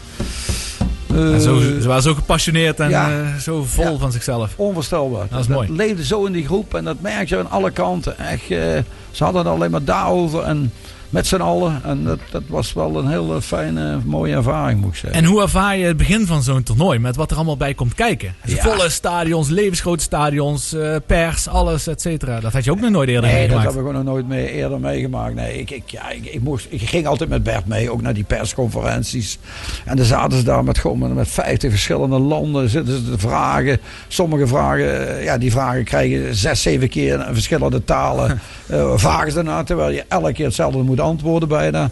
Dus dat is toch, eh, dat is ook een ervaring, eh, ja, wat ik zelf niet... eh Daarvoor heb ik ook nooit hoofdtrainer willen worden. Maar dat, dat is nog eens een vak apart hoor, vind ik Mhm. dat, in, in de pers, wat dat betreft. Voel je een gigantische druk in het begin? Omdat er allemaal leeft in Nederland. Je bent wel ver weg. En Ja. zoveel mensen in het stadion of zit je toch in een bubbel? Nou, ik moet eerlijk zeggen, over, over de, de, de thuisfront, daar hielden ze ons toch een beetje van weg eigenlijk. Want we zagen daar niet zo heel, heel erg veel van. En ja, goed, achteraf wat ik dan gehoord heb, was die een gekkenhuis. Maar Kun je wel zeggen. daar, ja, daar hielden ze ons wel een beetje vanaf, ja. Ja, ja. Nou, dus je ging heel makkelijk, eh, uiteindelijk heel makkelijk eh, de poolfase door. Toen kwamen we dan in de kwartfinale tegen Slowakije. Ja. Eh, Robbe, die was daar weer fit. Ja. Dat was wel een belangrijk moment, denk ik. was ook een gokje hè, van tevoren, hè? Ja. Of, of die überhaupt fit zal worden. Hè? Hebben we nog ruzie die eh, met eh, hebben- Bayern München mee gehad eh, Ja. na afloop. Ja, die gok heeft werd toch ge- genomen en uiteindelijk is het nog goed gekomen, ja. Ja, dus hij maakte was geen zekerheidje trouwens. hè. eh Robbe, zeg je? Dat, nee, was Of- geen zekerheidje dat hij fit zou worden. Nee, zeker niet. Oh, maar je wilt het risico om hem toch mee te nemen. En je wist niet of je er iets aan zou hebben. Maar dat Dus had je zou- zeker. ja. Hij maakte ja, je daar mocht echt er toch 23 meenemen, dus eh, Dat scheelt. je had daar genoeg. Ja, hij was wel echt een klassieke Robbe-goal. hè, Hoe hij daar naar binnen Ja. trekt en een eh, typisch. fantastische ins- Iedereen inschiet. weet hoe, hoe, het- hoe het werkt. En toch eh, doet hij het iedere keer. Toch doet, deed hij het er elke keer weer en daarna nog. En eh, ja, dat is een kwaliteit. Is Ja, en, maar de teamspirit vond ik vooral mooi in, eh, in, die, eh, in die wedstrijd. Want ook Kuit, die heeft een hele mooie actie, neemt die bal goed aan. En is niet zelfzuchtig. Geeft hem af op Snijder, waardoor hij hem fantastisch kan ins- inschieten. En ze springen bij elkaar op de rug eh, hoe ze dat doelpunt daar vieren. Ja. Is dat ook iets wat je echt bijblijft Ja, eh, dat, dat van die ik- periode? ja, maar daar let ik ook spe of speciaal op. Ik Ja. vind dat belangrijk, omdat je dat ziet, dat, hoe een team in elkaar steekt. En, eh, en dat ze elkaar dat dan ook gunnen. En eh, ja, goed, als het een beetje lekker loopt, is dat natuurlijk altijd wat, wat makkelijker. Dat begrijp ik ook wel. Ja. Maar ja, je ziet hoe spontaan en, en vreugde erin zat. En ja, dat was, dat was mooi om, echt, echt mooi om mee te maken. Want Filip, jij irriteert je daar nogal mateloos aan als iemand een bal intikt en dan de andere kant op recht oprent eh, van eh, diegene wat assist heeft kijk eens wat gespeeld. ik gedaan heb, ja. Gewoon een laatste tikje gegeven. En, en de rest wordt gewoon overgeslagen, ja. Ja, dat is vaak hè, maar dat is iets wat ik wel ik, heel vind, echt... ik vind sowieso dat ze tegenwoordig zo gek juichen allemaal. Ja. Ja. Met die baby's allemaal. En wat, wat, wat hebben ze het allemaal over? En die dansjes. Dat ze er gewoon spontaan juichen. Ja. Ja. dat is spontaniteit. Maar dit is... En ze hebben wat onder een trui al. Want ze hebben het allemaal van tevoren al eigenlijk bedacht wat ze gaan doen. Hè? Inderdaad. Dus dat is toch geen, dat vind ik geen spontaniteit meer eigenlijk. eigenlijk maar, Nou, en dan de kwartfinale. Ik denk misschien wel een van de meest legendarische wedstrijden wat het Nederlands elftal ooit gespeeld heeft in het eh, verleden. Eh, vertel eens, hoe gingen jullie daar, daarin? Ja, hoe gingen we erin? Kijk, de gespannenheid was er altijd. En ik, ik kan ook niet zeggen dat het extra gespannen was. Alleen vlak voor de wedstrijd was nog een eh, blessure, meen ik, van... Toen is, eh, even kijken... Ik weet niet meer wie eruit viel. Er viel er eentje uit in de warming-up volgens mij. Maar goed, dat maakt niet uit. Wie viel er toen in? Die is nou assistent bij PSV. Even kijken. Oh, ik kom niet even op zijn naam. Maar goed, valt misschien straks maar, wel nog te binnen. Maar goed, die wedstrijd tegen Brazilië. Nou, de eerste 45 minuten hebben we geen knikker geraakt natuurlijk. Hè. Want eh, als, als Stekelenburg niet zo goed Ja. was geweest in die eerste helft... Als we dan toch met 2 of 3-0 achter hadden gestaan... hadden we helemaal niks te zeggen gehad. En iedereen denkt dan, wat is in de rust gebeurd? Eh, heeft Van Marwijk eh, de, de huid vol gescholden of wat dan ook? Nee, vrij rustig, heel rustig. Eerste minuut, twee minuten bijna niks gezegd. Even allemaal even een beetje op adem laten komen. En dan gewoon heel op een rustige manier. En dat vond ik wel klasse, moet ik zeggen. Op een rustige manier gaan vertellen hoe het eigenlijk beter kan gaan. Of zou kunnen. En, eh, en dan heb je weer het geluk, wat ik je al vaker heb Ja. gezegd. De kleine Snijder is 1,50 eh, hoog. En die scoort dan met de kop een keer Ja. een, een kopgoal wat hij bijna nooit maakt. Ja, maar goed, en die- ze gaan erin. En, en we maken zelfs 2-1, ook nog. En dan daarna is, is Brazilië helemaal de weg kwijt. Ja. Dat is ook wel in de sport, dan denk ik, zo'n goede ploeg. Als wij toen met 3-4-1 winnen, hebben zij weer niks te vertellen. Dus ik wil maar zeggen, hoe, hoe kort het bij elkaar zit in een wedstrijd... die je met rust eigenlijk al kan verliezen... Ja. terwijl je hem dan toch nog wint met 2-1. Ja, precies wat je zegt. En Zo. die redding van een Stekelenburg, Ja. hoe die hem uit de kruising Ja, haalt. dat bedoel ik. En, eh, zijn momenten die misschien snel vergeten zijn na tien jaar. eh, maar dat nee, houdt wel op de been, hè? Ja, dat houd je op de been. En dat wil zeggen, dat is in de voetballerij zo... eh, ja, dat is nog eenmaal voetballerij. En ja, je wint die wedstrijd en ja, dan zit je in de halve finale. Ja, dat is mooi. En dat heeft ook eh daartoe geleid natuurlijk, die wedstrijd, dat we echt een monument hebben gehoord ook op de radio. Dat fragmentje heb ik ook even nog klaargezet. Goed bij, kijken hoe die corner is. Die corner komt laag, wordt doorgekomen. De kant en daar gaat hij! Hij zit erin! Het is Snijder! Hij zit erin! Snijder komt! Hij is 22 centimeter groot! Maar hij komt er gewoon bij! En Snijder scoort! Nu geen Melo hoor! Nu geen eigen doelpunt! We weten zeker dat het Snijder was! Nee, ja. Ja, ja, Ja, zeker. fantastische momenten zijn dat. Hè. Ik heb Ja. nog één klein dingetje hierover, voordat we dadelijk weer even naar wat muziek gaan luisteren en ons gaan voorbereiden op die finale. Uruguay slaan we even gewoon over, want die hebben makkelijk eh, 3-2 gewonnen na 3-1 voorgestaan te hebben. Maar in ieder geval, eh, wat ik zeggen wou eh, daarin, ik zie iedere keer eh, dan die beelden van de bank en dan zie ik iedereen opspringen, maar er is eentje die ik pas als allerlaatste dan in beeld zie. En dat is Cookie Voren. Jij was misschien de minste uitbundige, of lijkt dat nou zo? Nou, ik zat niet altijd op de bank. Ik zat ook vaak Oké. eh, op boven op de tribune. Want ik moest meestal van... Je ziet het van bovenaf vaak eh, beter als dat je zeg maar, op de, op, op de, ja, zeg maar gelijk met het veld zit. Want dan zie je vaak eh, andere... Of andere beelden wil ik niet zeggen. Maar je ziet het toch in ieder geval van bovenaf iets beter. Dus ik ging meestal in de rust of na de wedstrijd... ging ik wel meteen naar de bank toe. En dan, dan was ik er wel bij. Maar ik zat meestal met Ruud Hes boven... De, eigenlijk de analyse te maken. En ging ik dan altijd even de kleedlokaal in. En dan gingen we na de wedstrijd, vijf minuten voor de wedstrijd, gingen we naar de bank toe. Dus daarom, bij deze kwam ik altijd eh, later. Maar Ah, dat is ook niet zo belangrijk. Ja. Ik, ik was wel blij hoor, maak je maar geen Snap zorgen. ik. en terecht, en terecht ook. Heel goed, heel goed. We gaan eh, weer even lekker wat eh, muziek luisteren naar deze geweldige herinneringen van Cookie. Ehm, dat liedje was van de NOS. Dat hoorde ook echt bij het WK. Daarna laten we je nog heel even spanning betreffende die finale. Want we gaan het MVB-blokje doen. Want we hebben afgesproken om half zes even te bellen met Juri Schrooien. De matchwinnaar van gisteren. Na die fantastische overwinning van 1-0 op Volendam. Dus zo dadelijk zijn we terug met Juri Schrooien. We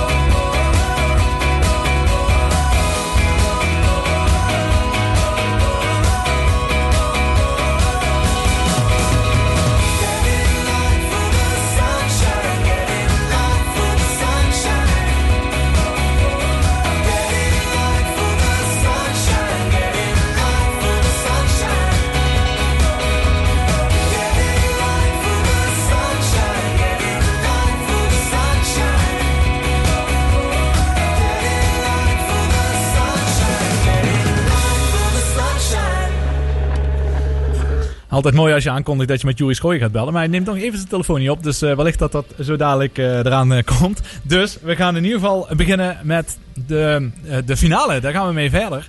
We zijn nog even uit aan het zoeken wie er nou uitgevallen was in die warming-up. Was het Boularoes, de Zeeuw? Nee, nee, nee, nee. nee. God, wie is Nee, nou, daar gaan we misschien niet uitkomen. Dus ik denk dat het goed is om te gaan kijken nu eh, naar die finale. Ja, en even wat... laten we eerst beginnen met eh, voorafgaan aan de finale. Hoe beleef je dat? Eh, zit jij in, eh, in, in een kleedlokaal, terwijl Nelson Mandela op het veld loopt en het helemaal losgaat daar? Heb je daar iets van meegekregen? Ja, ja, ja, je bent altijd anderhalf uur meestal van tevoren eh, aanwezig in het stadion.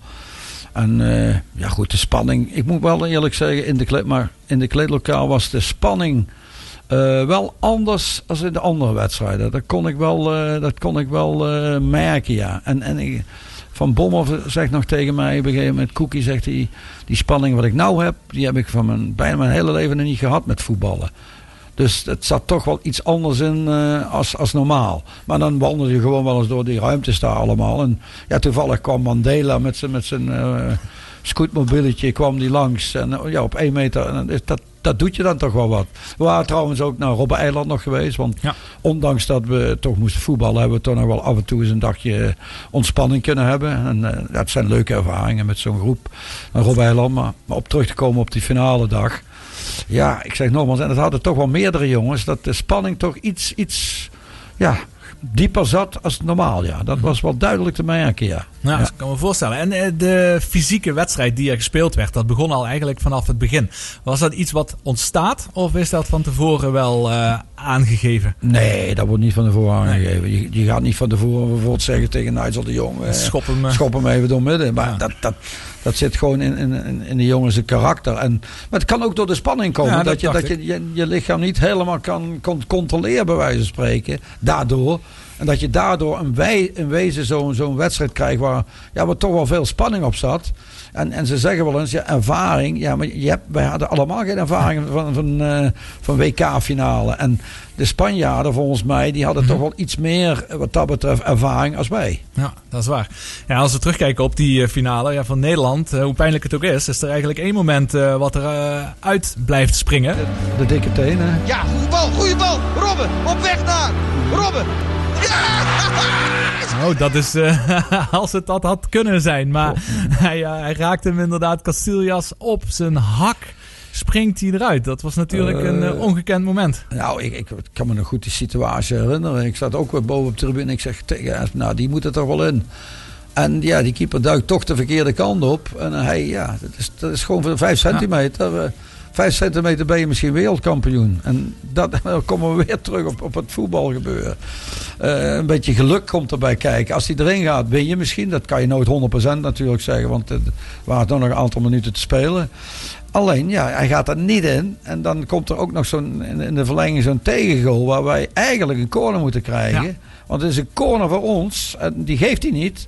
En ja, ik meen dat die kant eh, wandelt een beetje terug. En over, over de rechterkant van ons komt die aanval. En prompt ligt de 1-0 erin. Ja. Dan verlies je die wedstrijd. Ja, Ja. zo eh, is het ja. Ja, zo is het. En dan is het ongelooflijk hoe zo'n Ja. eh, heel competitie, zo'n hele WK bij elkaar komt. Waarbij je in het begin zegt van nou, het zat allemaal lekker het zat mee in die eerste wedstrijd. We komen er lekker in. Je verdient, haalt de finale. En dan is dan net één momentje wat er even niet mee zit. Eén momentje zit er even niet mee. Ja. En, ja maar dat, dat is ook sport. hè. Zeker. Dat- is eh, topsport. Dat, dat is topsport, ja. ja. En eh, daarna?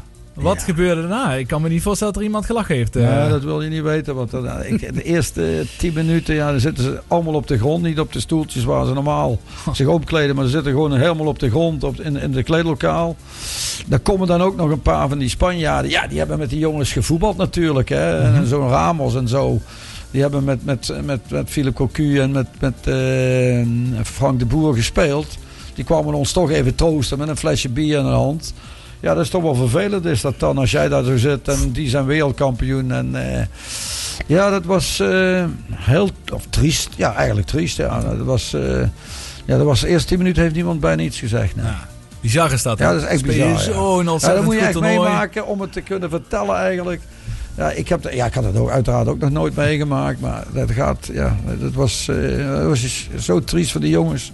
Helemaal kapot, helemaal kapot, geestelijk en alles natuurlijk. Ja, goed. Dat, Ah. is, dat is Ja, wat ik zo bijzonder daaraan blijf vinden natuurlijk. Zeg zelfs tien jaar later nog. Maar ook als je het aan die jongens zelf eh, vraagt. Of als je nog eh, interviews van hun ziet na afloop. Langere tijd daarna. Het is eigenlijk het hoogtepunt van iedereen zijn carrière geweest. Ja. Maar tegelijkertijd voelt het ook als een dieptepunt. de grootste teleurstelling. Of grootste teleurstelling. Ja. Dat is misschien dat is het beste woord ervoor. ja, ja, maar dat kan ik best begrijpen. Ja. Want Ja. kijk, eh, wereldkampioen word je niet vaak. En Nou, niemand nog in Nederland. Een, een- een in keer op de vier jaar kan je het, eh, kan je het herstellen. Ja. Maar eh, nee. Trouwens, ik vind van Nederlandse begrippen nog dat we drie keer zo'n WK-finale Ja, zo'n klein landje is toch ook wel. eh, En dan moet je de derde Mhm. of vierde plekken ook niet eh, Nee, uitvlakken. 2014 Daarna nog derde. Ja, nog. ja, ja. En daarvoor En Europees kampioen nog een keer. Dus zo'n klein voetballandje als Nederland vind ik het toch wel eh, klasse dat ze dat toch wel bereikt hebben. Ze hadden, we hadden toch één keer wereldkampioen kunnen zijn, godsdienst.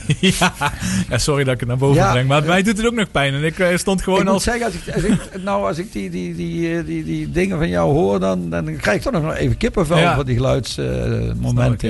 Ja.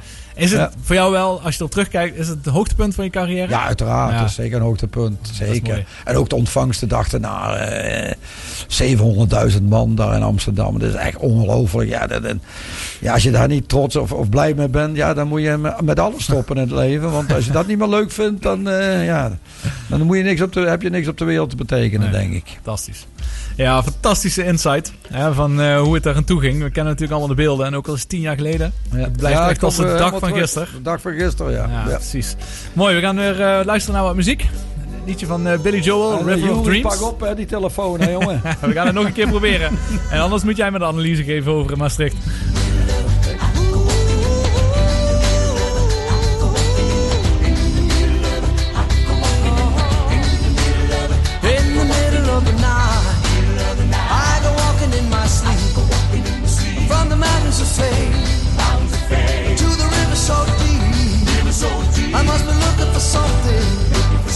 Some would say that I love.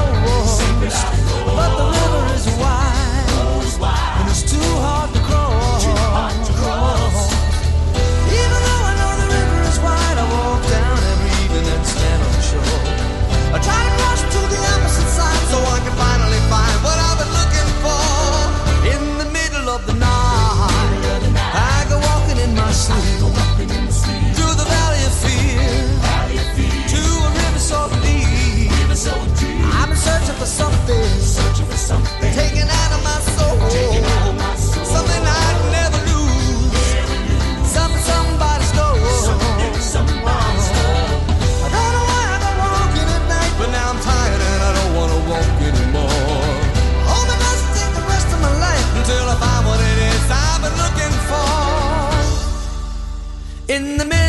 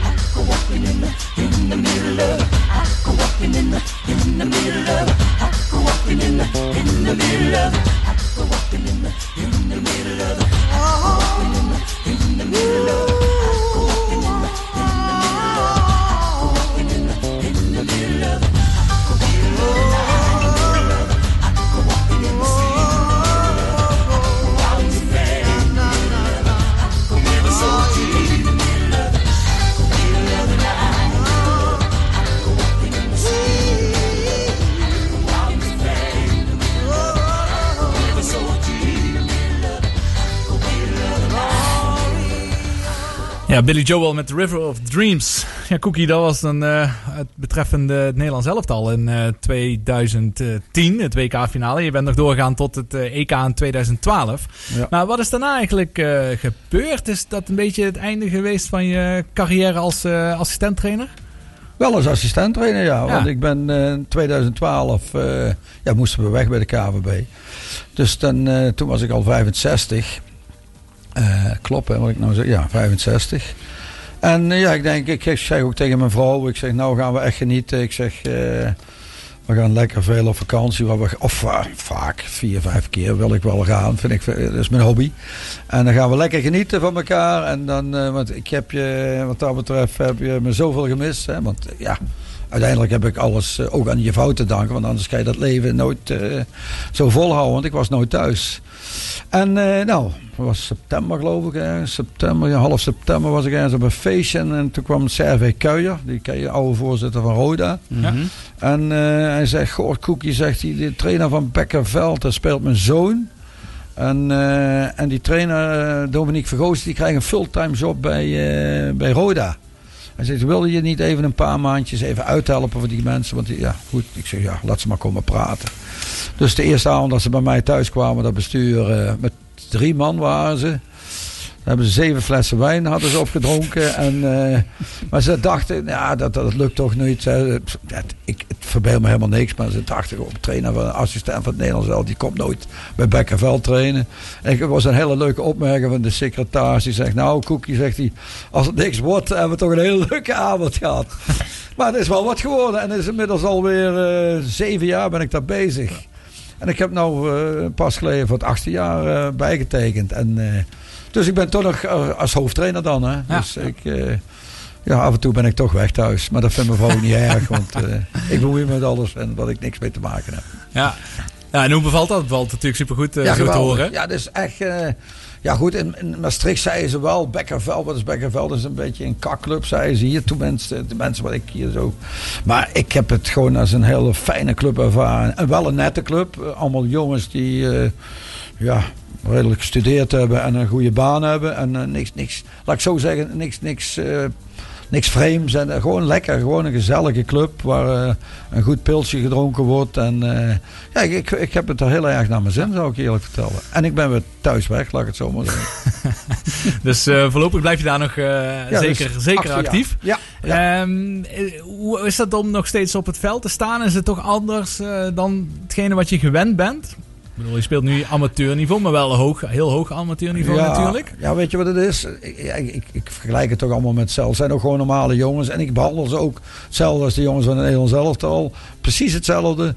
En eh, ja, weet je wat het is? Eh, het is maar twee keer per week uiteraard. Eh, Of twee keer per week trainen en dan zondags een wedstrijdje. Dus dat is toch wel anders dan betaald voetbal. Want dan ben je ja, eigenlijk elke dag bezig. En ja, dat, dat, dat ligt me wel, ja. Want ik zeg nogmaals, ik, heb niet, ik kan niet zoveel. Ik heb twee linkse handen.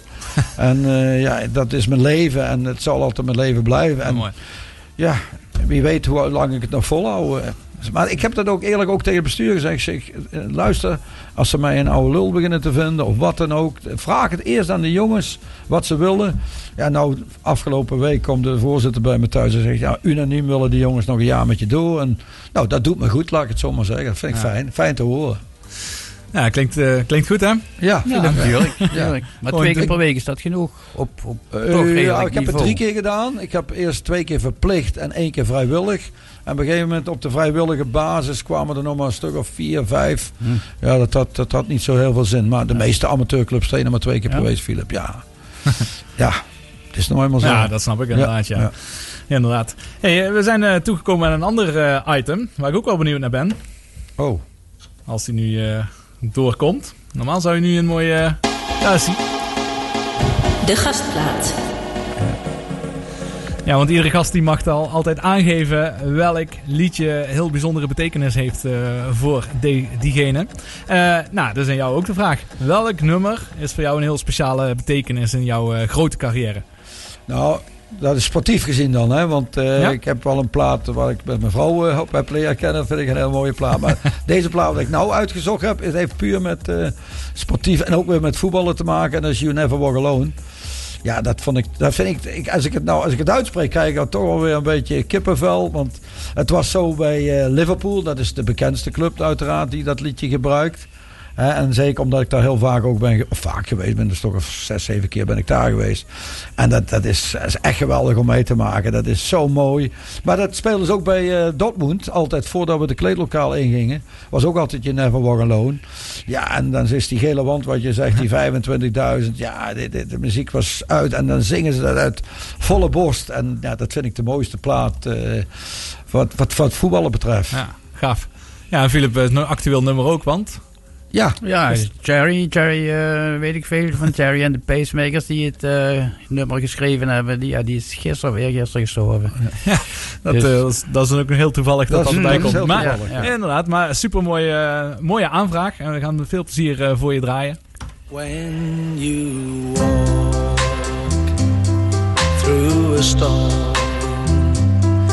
hold your head up high and don't be afraid of the dark.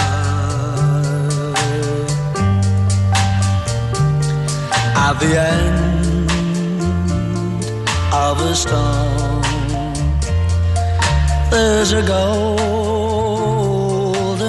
sky and the sweet silver sound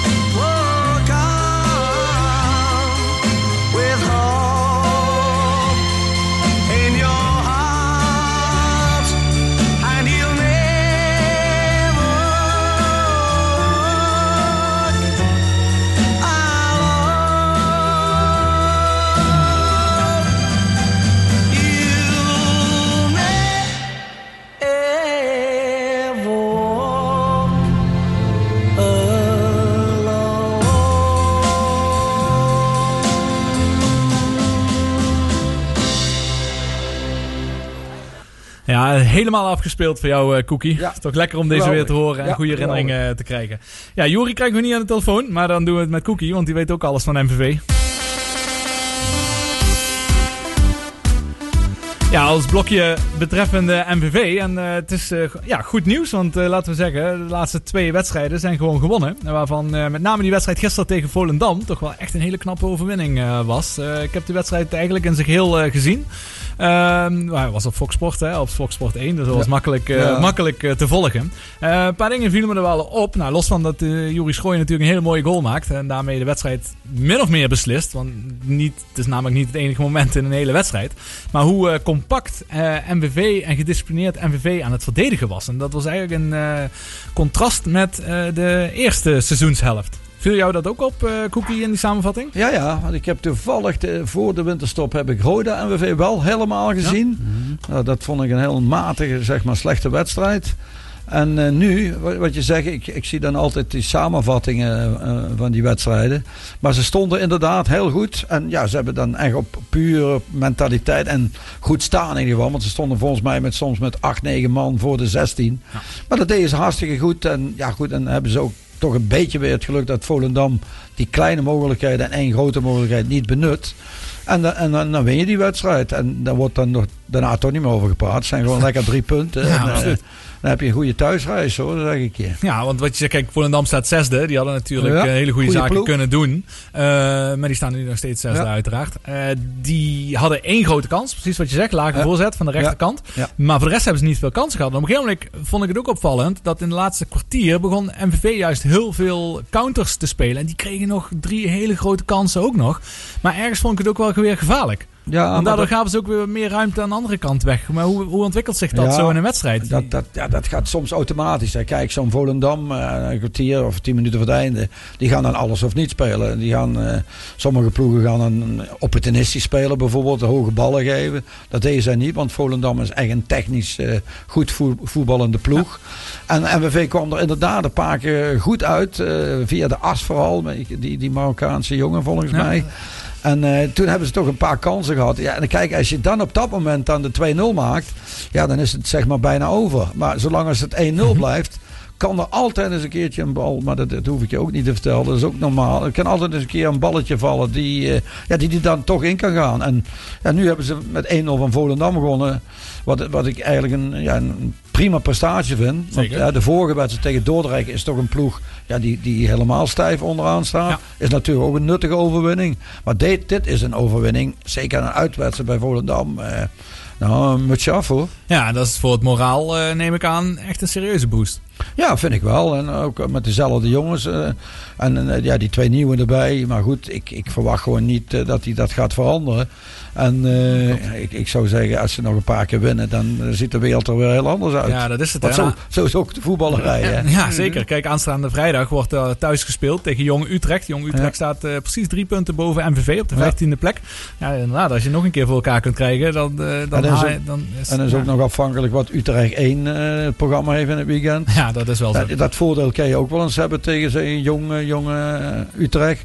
Als ze bijvoorbeeld eh, een paar spelers niet, eh, niet beschikbaar hebben. Ja. Dat zou wel lekker zijn als je dan nog eentje erachteraan kan doen. Ja, dan, eh, dan kom je weer in de middenmoot bij wijze van spreken te staan. Maar is dit dan de speelstijl voor MVV? Of is dat puur omdat ze tegen Volendam speelden dat ze zo moesten spelen? Maar zeg je, je moet echt Ja, op resultaat gaan voetballen. heel verdedigend Nou en ja, compact. kijk, ik, ik ben daar geen liefhebber van. Maar als je, als je zo eh, da- daar onderin staat, en, en dan, moet je, dan word je ook vaak misschien wel gedwongen om zo te spelen. Hè? Mhm. En eh, als je dan de kwaliteit hebt om dat ja, naar punten te, te vertalen, ja, dan moet je blijven doen. Terwijl het misschien wel niet aantrekkelijk is voor de mensen. Ja. Maar.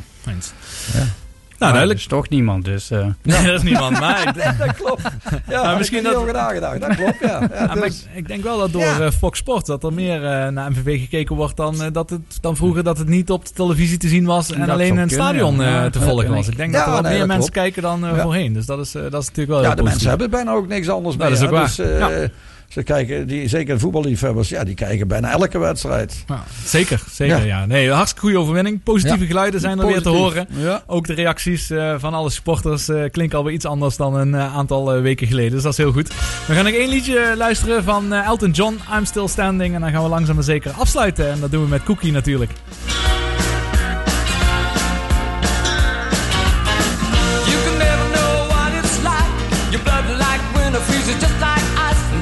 Cold and lonely light that shines from you. You wind up like the wreck you hide behind that mask you use. And did you think this fool could never win? Well, look at me, I'm coming back again. I got a taste of love in a simple way. And if you need to know while I'm still standing, you just fade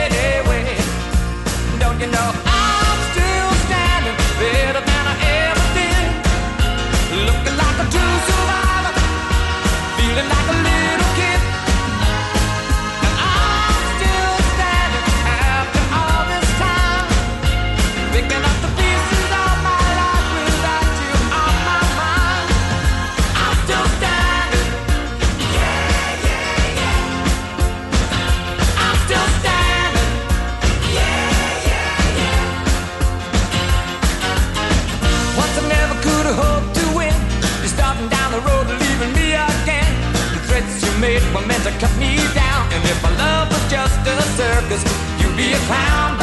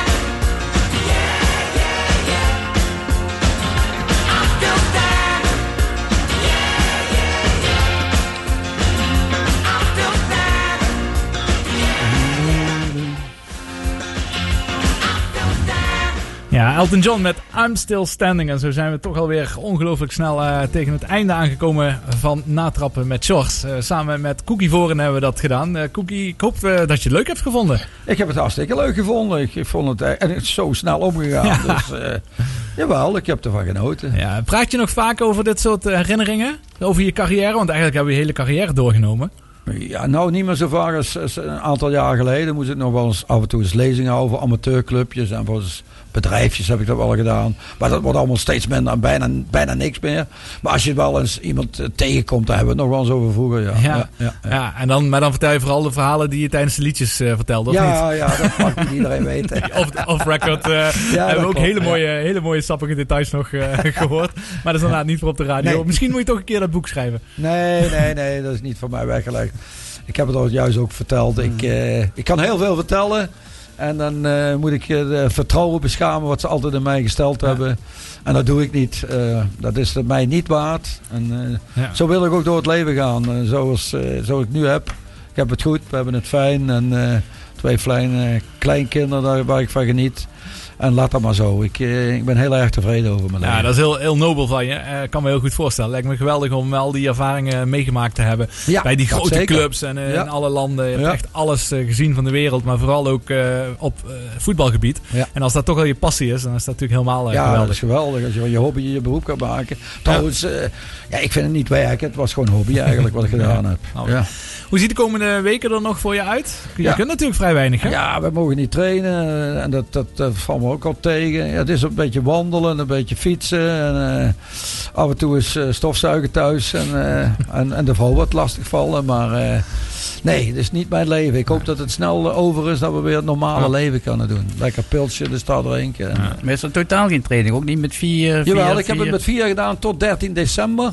En toen mochten we helemaal Oh, niks nee. meer, omdat we met tweeën nog mochten doen. En dat gaat pas in 15 januari, wordt dat we beslist. Of met vier was al een beetje aanpassen, maar ik moet Mhm. zeggen, de opkomst was toch wel goed. En met vier, vier, met, toch met 16 man op het veld, maar allemaal, allemaal anderhalve meter afstand.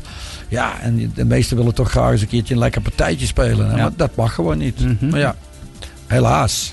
Ja, hopelijk komt dat snel weer. En wanneer Bekkerveld weer gaat spelen, dan gaan we je ook zeker bellen om eens te vragen hoe het er gaat en eh, naar de uitslagen. Ja. Nou, tot zover weer natrappen met Sjors. Bedankt voor het luisteren. Bedankt Philip eh, voor je ondersteuning. En Ja, dankjewel. Met name bedankt en Cookie voor onze gast. En we zien jullie, de, of jullie horen ons weer de volgende week. Bedankt voor het luisteren.